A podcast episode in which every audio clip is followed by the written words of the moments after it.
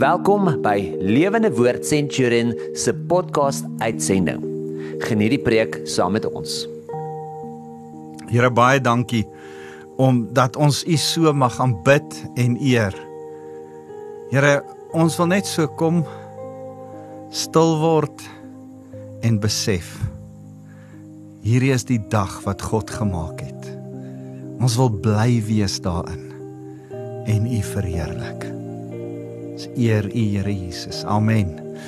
En dit is vir my so lekker om weer so saam met jou te kuier. My naam is Wouter van der Merwe. Ek is van Lewende Woord Centurion. Ehm um, en ek my e-posadres is wouter@lewendewoord.co.za as jy met my wil korrespondeer. En en ek wil so ehm um, saam met jou ver oggend gesels oor oor hierdie wonderlike wonderlike onderwerp. Ehm um, lank terug kuier ek saam met mense en en die ou sê ehm um, ek stem glad nie saam met die stelling nie. Hoor net wat hierdie ou sê. Die ou sê um, om die rykste mens te wees in 'n vertrek is die belangrikste. Elke man moet die dikste beurs hê en elke vrou moet die mooiste wees. En ek dink hoe oppervlakkig is dit? Mag mag my hoogste waarde in die vertrek wees. Ek ek wil die lig van Jesus laat skyn. Mag ek die grootste lig wees wat skyn vir Jesus en nie die grootste beurs hê in die vertrek nie of die mooiste vrou wees in die vertrek nie maar maar in dit het dit my nogal laat dink en en en, en daai gesprek wat daai ou billebak vir my eendag gehad het het het het my aan die dink gesit aan aan is dit regtig wat vrouens oordink want want ek's 'n man. Ek dink nie so nie en en en en, en vrouens dink anderste en ek weet nie wat vrouens dink nie. So ek het vrouens gevra. Ek het na vrouens toe gegaan en ek gedink kyk vrouens vir mekaar en dink Maria koop ek is mooier as daai een en o en en vrouens het gesê ja. Ja, vir ons is mooi belangrik. Nou, nou ek sê nie dis reg nie. Ek dink is 'n bietjie ydel. Maar as vrouens moet erken, mans, dis dalk 'n newsflash vir jou. Vrouens weet hierdie en sê kan my dalk korrigeer of anders te help of mooi bietjie uh detail invul. Maar vir vrouens is is is mooi belangrik. Nou nou ek wil vir jou sê mooi moet vir jou ook dan belangrik wees as dit vir 'n vrou is. Manne, mooi behoort vir jou of kom ek sê eerder gelowige manne mooi moet vir jou ook belangrik wees. Hoekom sê ek dit? Want die Bybel beskryf jou ook as 'n vrou. Die Bybel beskryf jou as 'n bruid. Jy is die bruid van Christus. En as jy 'n bruid is, man, ek het nou al 'n hele paar mense getrou in my lewe. En as jy 'n bruid is, een ding weet ek, dit gaan oor die mooiste mooi wees vir jou bruidegom. Bruide spandeer ure aan hulle hare Bruide spandeer ure en ure aan hulle gremering. Bruide spandeer nog hoeveel meer geld en ure aan die mooi rok en die looks en die gewig verloor en die dit en die dat. Dis belangrik vir 'n bruid om mooi te lyk. En en en en ek het net iewes skielik besef terwyl ek hierdie week by die Here sit en en, en besef, "Sjoe, wat 'n voorreg dat ek ook 'n bruid genoem kan word, maar dan moet ek in die natuurlike kyk na sekere goed om in die geestelike ander goed te vang. En en dis wat ek Paulus sê, die natuurlike gaan die geestelike vooraf. Daar daar's goed wat ons moet sien in die natuurlike riekelm in die natuur om ons wat ons lei na God toe na die geestelike toe. En en en as ons na 'n fisiese bruid kyk en sê, "Sjoe, maar sy wil regtig mooi wees." Sy spandeer geld, tyd, effort daarin om mooi te lyk op daai dag vir haar bruidegom. Dan dink ek, "Sjoe, okay. Dit praat met my. Ek moet alles in my vermoë doen om vir my bruidegom Jesus mooi te wees op ons troudag wanneer ons kom haal. Ek moet nou al begin. Toe, ek het 'n dogter ehm um, wat getrou het. Sy eh, sy's verlede jaar in Oktober getroud en en ek was verstom oor haar voorbereiding. Hoe lank sy voorberei het en die vel en die dieet en die manier van voorberei vir dit en die rok se voorbereiding en ehm um, moeite op moeite op moeite vir voorbereiding en en en ek het net besef luister dis geweldig belangrik. So, so ek wil my tema vandag dit maak. Jy het geen verskoning om mooi te wees nie. Meneer, jy het geen verskoning om mooi te wees nie. Jy moet mooi wees. Jy moet mooi lyk en ryk vir jou bruidegom soos wat 'n bruid mooi lyk en ryk vir haar vir vir haar bruidegom. Vir ons as bruid kerk beteken dit uiteraard heiligmaking. Mooi kom vir die bruidegom Jesus is ononderhandelbaar. As dit ons plig is en en en ons het nie 'n verskoning nie, hoe doen ons dit?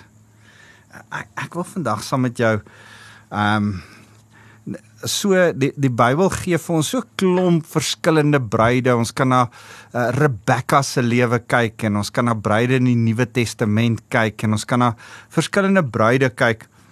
Ehm um, maar maar daar's drie bruide wat seker baie verskonings kan hê hoekom hulle nie mooi sou kon wees of hoef te gewees het nie. Maar hulle was nog steeds mooi. Hulle was innerlik en party van hulle uiterlik mooi. En en ek wil net na hierdie drie bruide kyk en en na hulle lewens kyk en sê goed, as dit is eh, drie van wat drie bruide in die Ou Testament gedoen het, kom ons gaan leer by hulle en ons gaan vat iets van elkeen van hulle en ons maak dit as as as as bruid van Christus, deel van ons geestelike gremering van ons mooi word proses vir ons bruidegom. Kan ek vandag vir jou saam met jou kyk na na Esther, na Lia en na Rut. Esther uh het, het kon baie verskonings gemaak het hoekom sy nie mooi en aantreklik moes gewees het eintlik nie. Sy was eintlik 'n weeskind deur haar oom grootgemaak. Uh, nie in haar in haar tuisland nie, sy was in 'n vreemde land in Babylon grootgemaak. Uh En toe word sy boonop met 'n skoonheidskompetisie, want so sy was mooi. Word sy 'n skoonheids in 'n skoonheidskompetisie wen sy nie een of ander internasionale prys nie, sy wen die voorreg om die koning se vrou te word, een van die vrouens van die harem van die koning. sy word sy hoofvrou. Ehm um, ah, ek dink dit moes verskriklik sleg vir 'n Joodse dogter gewees het om so lewe in te gaan. Maar nogtans was daar iets innerlik mooi in Esther.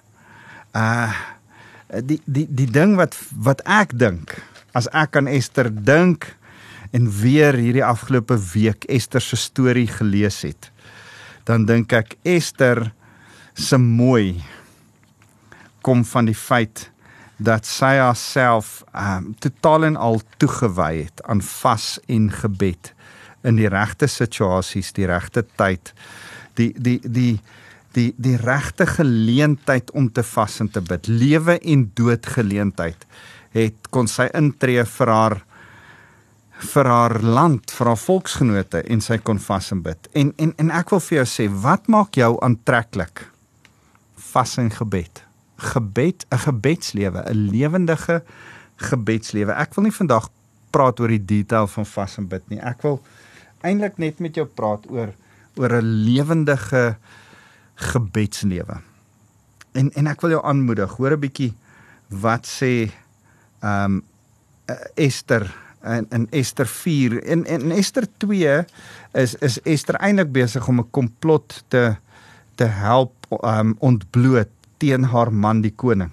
En uh haar oom en sy ontbloot hierdie hierdie komplot red eintlik die koning se lewe en die koning vergeet dit nie, maar dan is daar 'n geleentheid waar Haman natuurlik al die Jode wil doodmaak omdat hy nie van Mordegai uh, Ester se se se oom hou nie.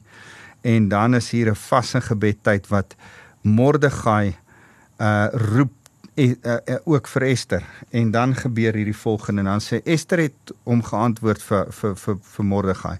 gaan maak al die Jode wat jy in Susan kan kry bymekaar vas ter wille van my vir 3 dae lank moet jy uh moet julle dag en nag niks eet of drink nie. Ek en my diensmeisies sal net so vas. Al is dit in stryd met die voorskrif sal ek na die koning toe gaan. As ek dan daarvoor moet sterf moet ek maar sterf. Is amper 'n bid want ek is bereid om my lewe op te gee vir my bruidegom. Ehm um, en en en uh en en ek wil jou aanmoedig. Dis iets wat ons in Ester se lewe kry. Hoor wat sê vers 2 van hoofstuk 5. Die koning was bly toe hy koning ging Ester daar in die voorhof sien staan. Het sy goue septer in sy hand wat in sy hand was na haar toe uitgesteek om haar te verwelkom en Ester het nader gekom en aan die punt van sy septer gevat. Jy sien Ester kry genade by haar man die koning. Sy moet eintlik as jy ongeroep in die koning se teenwoordigheid van daai tyd ingestap het, moes jy sterf. Sy stap ongeroep in sy teenwoordigheid, eintlik moet sy doodgaan. Haar voorganger Vasti het daai fout gemaak en en uh en en, en nou uh, gaan sy ongeroep in in in die koning se teenwoordigheid in maar sy kry genade by die koning. Hoekom? Want sy's aantreklik vir hom. Sy's mooi vir hom omdat sy deurdrenk is met gebed. Kan ek jou vandag aanmoedig en vir jou sê mense weet nie dat jy bid nie. Niemand kan jou gebeds, niemand is veronderstel om jou gebedslewe raak te sien nie. Maar daar's 'n geestelike mooi word van jou as bruid. Manne, ek praat nou met julle ook vrouens, mans, bruid van Christus, gelowiges saam. Praat met jou vandag. En ek sê vir jou daar's niks so aantreklik geestelik aantreklik soos 'n bidder nie. Iemand wat bid, iemand wat tyd saam met die Here spandeer. Mense, die wêreld, hierdie wêreldse koning kan nie verklaar hoekom Ester sy knieë so lam maak nie. Wel ek kan. Sy het gebid.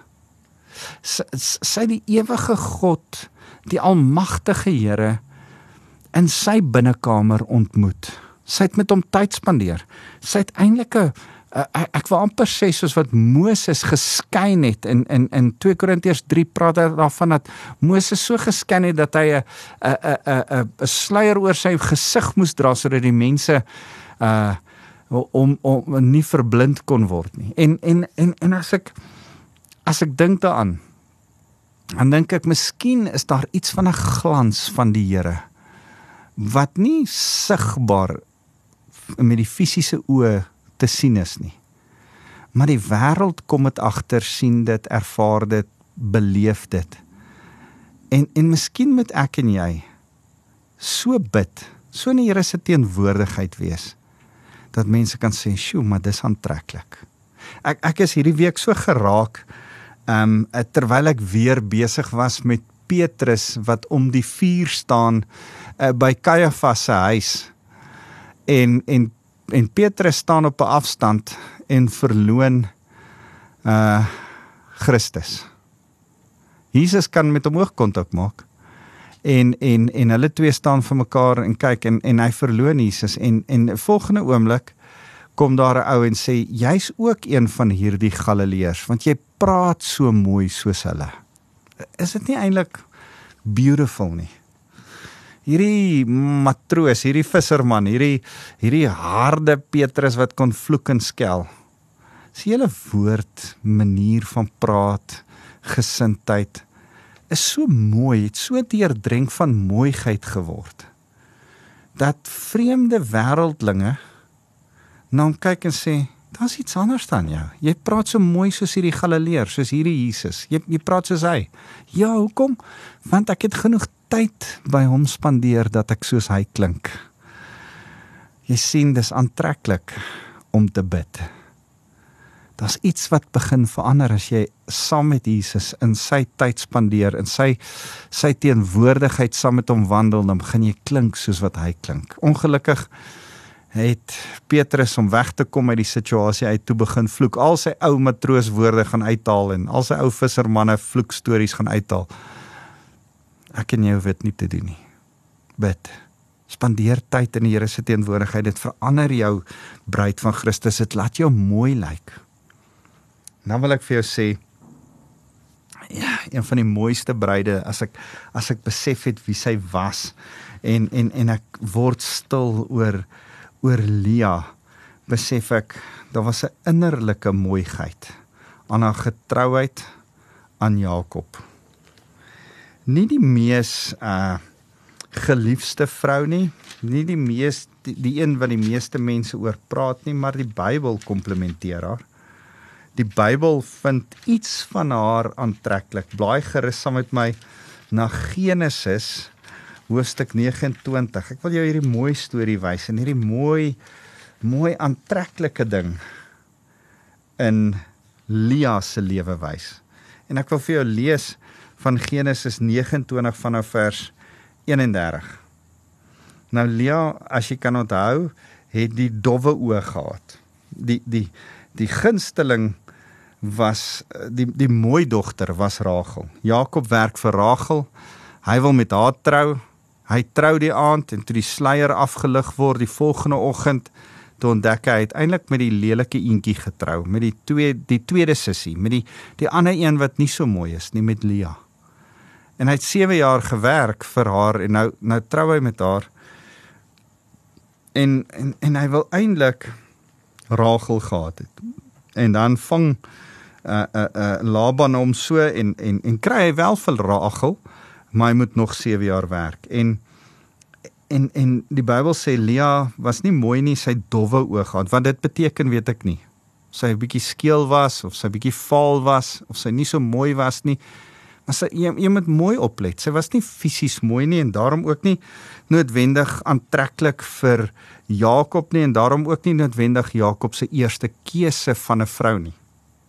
En nou lees ek vir jou vanaf vers 31 omdat Lea minder geliefd was, het die Here vir haar kinders gegee maar Rachel was kinderloos. Lea het swanger geword en 'n seun in die wêreld gebring en hom Reuben genoem, want het sy gesê, die Here het my verdriet raak gesien. Dalk sal my man my nou lief hê. Jy sien, Reuben beteken kyk, dis 'n seun, sien my raak. Ek het vir jou 'n seun. Jakob, sien my raak, ek het 'n seun vir jou. Dis letterlik wat sy naam beteken. En sy het weer swanger geword en nog 'n seun in die wêreld gebring. En sy het hom Simeon genoem, want het sy gesê: "Die Here het gehoor dat ek minder geliefd is, daarom het hy my nog 'n seun gegee." Simeon beteken letterlik as jy daarna luister, een wat hoor. So eers sê sy: "Hey, sien my raak. Jakob, sien my raak. Ek het 'n kind vir jou. Ek het 'n seun vir jou." En dan sien Jakob haar nog steeds nie raak nie. Sy bly nog steeds vaal. Sy bly nog steeds vir hom onaantreklik.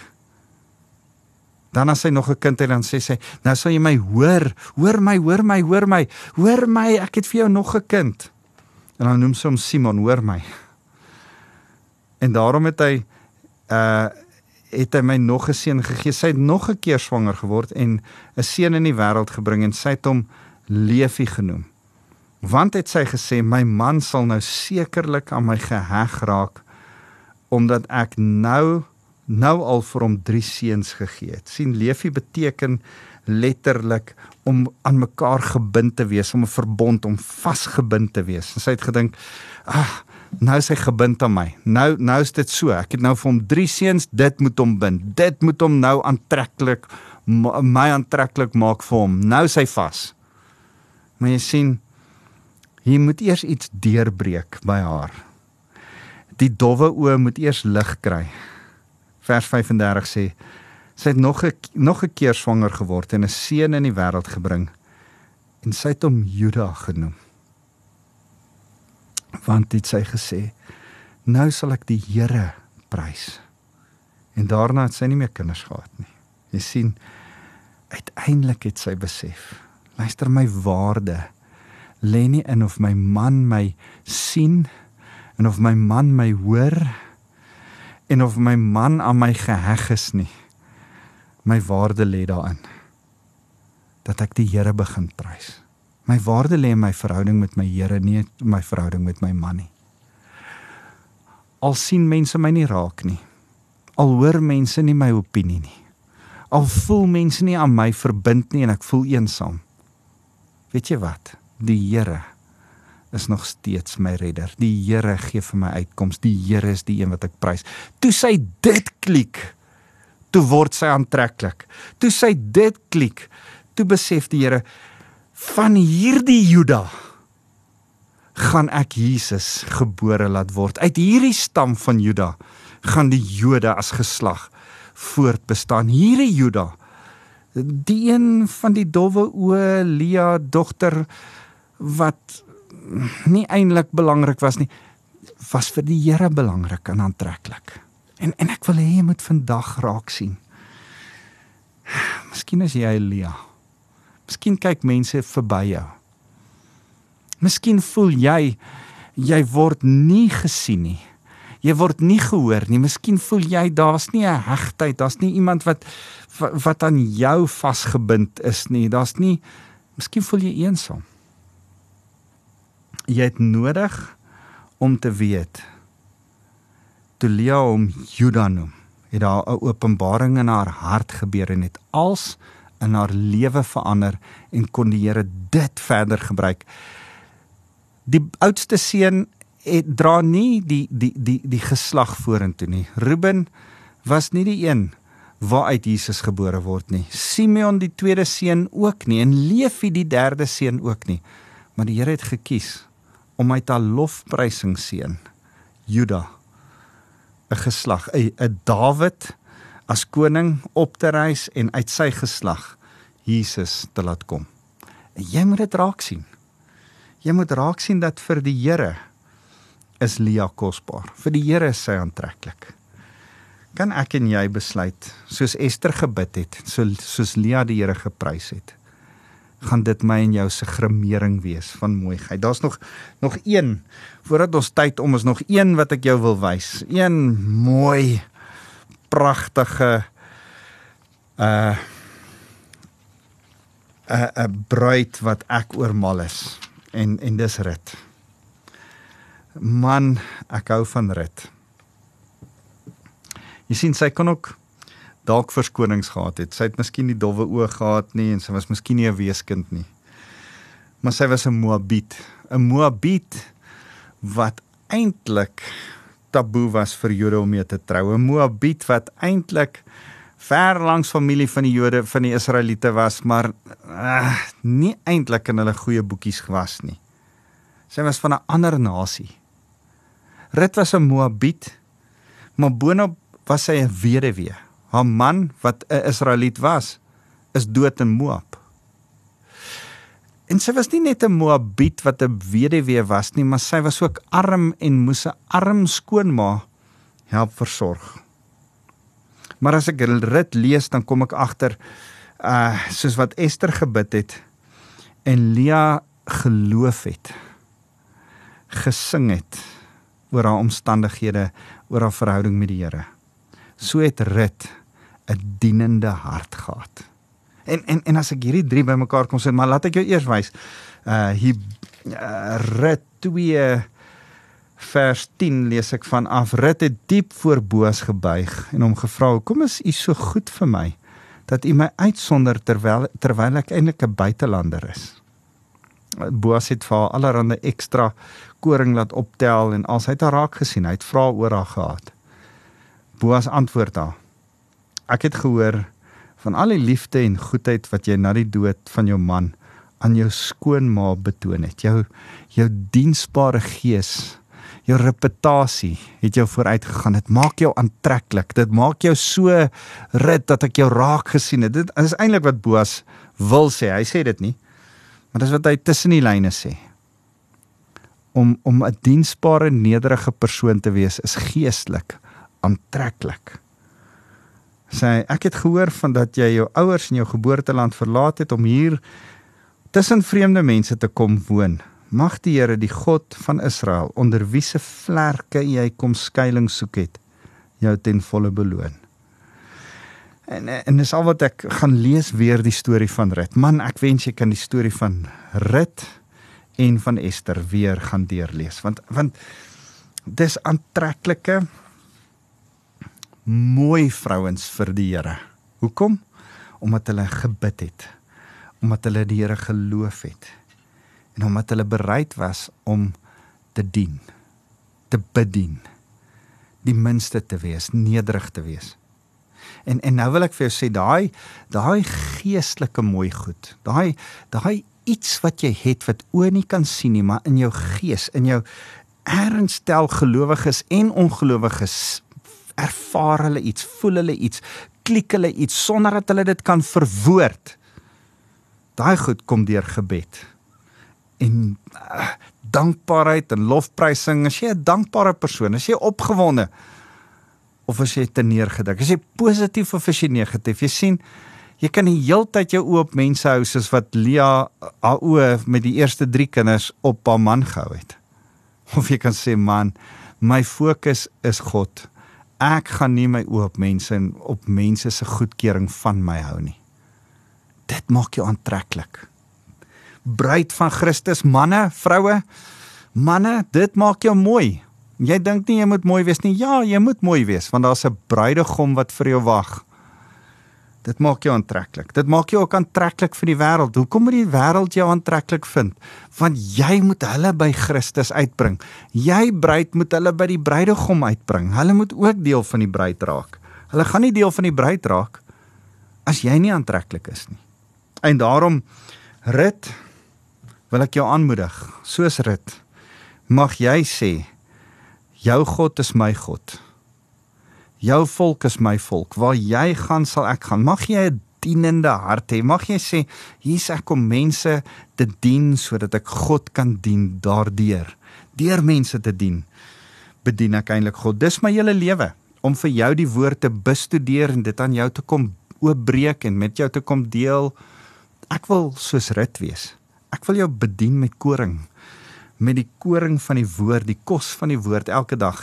Soos wat Naomi by die huis gesit het en rit die die die die, die koring na toe gebring het wat Boas van gegee het. So gee my Boas Jesus vir my woord. Ek vat hierdie koring, maak dit oralste by by mekaar en bring dit na jou toe Naomi en bedien jou daarmee.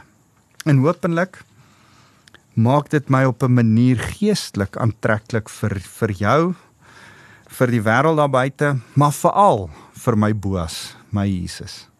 So as ek as ek hierdie goed sê dan dan wil ek afsluit met 'n uh, ma se raad oor 'n bruid.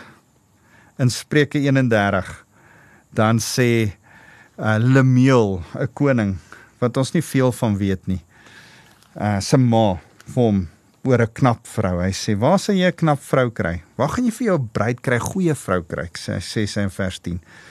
'n Goeie vrou is meer werd as edelstene. Haar man het volkomme vertroue in haar. Onthou jy wie's ons man? Dis dis ons bruidegom Jesus. Hy het volkomme vertroue in jou. Hy pluk die vrugte van haar werk. Die Here se vrug van ons werk is nog mense wat tot bekering kom. Haar hele lewe lank bring sy vir hom net voordeel. Bring jy vir Jesus voordeel of nadeel? Is jy aantreklik? Haar hele lewe lank bring sy vir hom net voordeel nie ellende nie. Sy kry wol en vlas in die hande en verwerk dit met genot. Sy is soos 'n handelsskepe wat van ver af bring sy haar kos in. Sy staan op as dit nog nag is en sy maak ontbyt vir haar gesin. Weet jy wat? Dis aantreklik dat ons vir die Here fliks is en hard werk. Die dag se werk deel sy aan haar slavinne uit en sy bereken die waarde van 'n stuk grond en koop dit. Weet jy wat's nog mooi en aantreklik? sê hierdie ma vir sy seun, vir haar seun, is autoriteit. 'n Vrou wat autoriteit kan dra, bruid van Christus, dra die autoriteit wat die Here jou gee en selfvertroue. Sy plant 'n wingerd daarop en met die geld wat sy verdien, begin sy hard werk en haar hande staan vir niks verkeerd nie sê vers 17 daar's eienaarskap en harde werk en bekwaamheid dis mooi eienskappe sy kyk of haar transaksies winsgewend is en haar lamp brand deur die hele nag ek en jy moet 'n gebedslewe hê. Sy werk met spinwiel, haar hande is bedrywig met die weefbalk, haar hand is oop vir die armes. Sy's vrygewig teenoor die behoeftiges. Dis iets moois as jy vrygewigheid sien. Bruid van Christus, wees vrygewig. Die wintersneeu het geen vrees in haar huis gesin nie. Hulle het almal warm klere en sy maak vir haarself dekens en sy dra goeie klere. Goed versorg. Lyk mooi. Almal in die poort ken haar man. Hy dien op die raad van die leiers in die land en sy verkoop die klere wat sy maak en voorsien handelaars van gordels. Weet jy wat? Ons moet ons man Jesus laat goed lyk. Dis ons werk. Sy het 'n innerlike krag en waardigheid. Sy's nie bekommerd oor die toekoms nie. Ek en jy moet 'n innerlike ons moet weet wie ons is in Christus, 'n innerlike krag en 'n waardigheid. Ons identiteit is vas in Christus. Ons is nie bekommerd oor die toekoms nie. Ons het hoop, ons het 'n verwagting. Ons is nie soos hierdie wêreld nie. Sy praat met wysheid, sy gee raad saam met liefde. Sy hou toesig oor alles wat in haar huis gebeur. Sy verdra nie luiheid nie.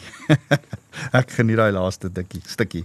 Sy verdra nie luiheid nie. Ek ek en my vrou het so spottery altyd dan sê ek vir my vrou, Jy is 'n Spreuke 37 vrou. Nou daar's net 31 hoofstukke in die Bybel, maar daar's altyd 'n verwysing. Sy weet altyd se verwysing jy's nog ver verby beter as die vrou in Spreuke 31. Ehm um, maar dit is altyd vir my so mooi. Ehm um, ek ek het hierdie week toe ek hierdie stuk voorberei vir my vrou laat weet. Vers 29 staan vir my uit. Daar's baie knap vroue, maar jy is die beste van almal sê ek dis my vers vir jou. So ek en jy, ek het 'n bruid, ek's mal oor haar. Ehm um, ek moet nou mooi dink, ek's nou 28 jaar met haar getroud. Wat 'n voorreg. My bruid word vir my al hoe mooier en mooier. En my gebed is is dat ek vir my bruidegom al hoe mooier en mooier word. Kom ek en jy bid saam. Here ons wil graag aantreklik wees vir U.